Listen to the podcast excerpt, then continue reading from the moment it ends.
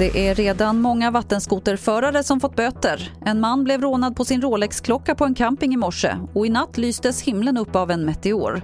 Här är TV4-nyheterna och vi börjar med de nya böterna som polisen kan ge vattenskoterförare som kör på ett störande sätt. De har redan delats ut 15 gånger och det är relativt mycket säger polisen eftersom lagen bara har funnits sedan den 1 juli.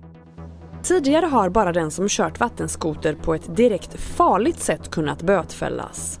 Men den 1 juli ändrades reglerna och polisen kan nu direkt på plats dela ut ordningsböter även till den som kör på ett sätt som upplevs störande. Bötesbeloppet är 1 500 kronor och hittills har 15 sådana böter registrerats i landet visar siffror från polisen. Reporter här var Anna Maria Holmgren.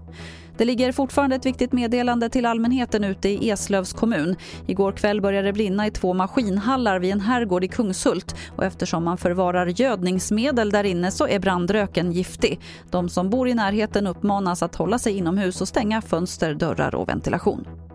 Bara en tredjedel av Sveriges regioner har en särskild mottagning för de som blivit långtidssjuka i covid. Det visar en kartläggning som SR har gjort. Flera regioner saknar också en strukturerad plan för de här patienterna trots att Socialstyrelsen kräver att de har det. Och till de mottagningar som finns står hundratals patienter i kö. Natten till idag ska ett kraftigt ljussken ha setts över stora delar av Sverige och Norge. Och I Norge ska det även ha hörts en smäll i samband med ljusskenet. Och troligen var det en meteor som slog ner någonstans söder om Oslo. Patrik Norqvist är rymdfysiker vid Umeå universitet. Det är en rejäl massa energi som kommer in. Det är en tung sten, väldigt hög fart.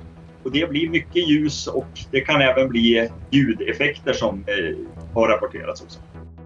Och vill man se bilder på meteoren så finns de på tv4.se. Och det var det senaste från TV4 Nyheterna. Jag heter Lotta Wall.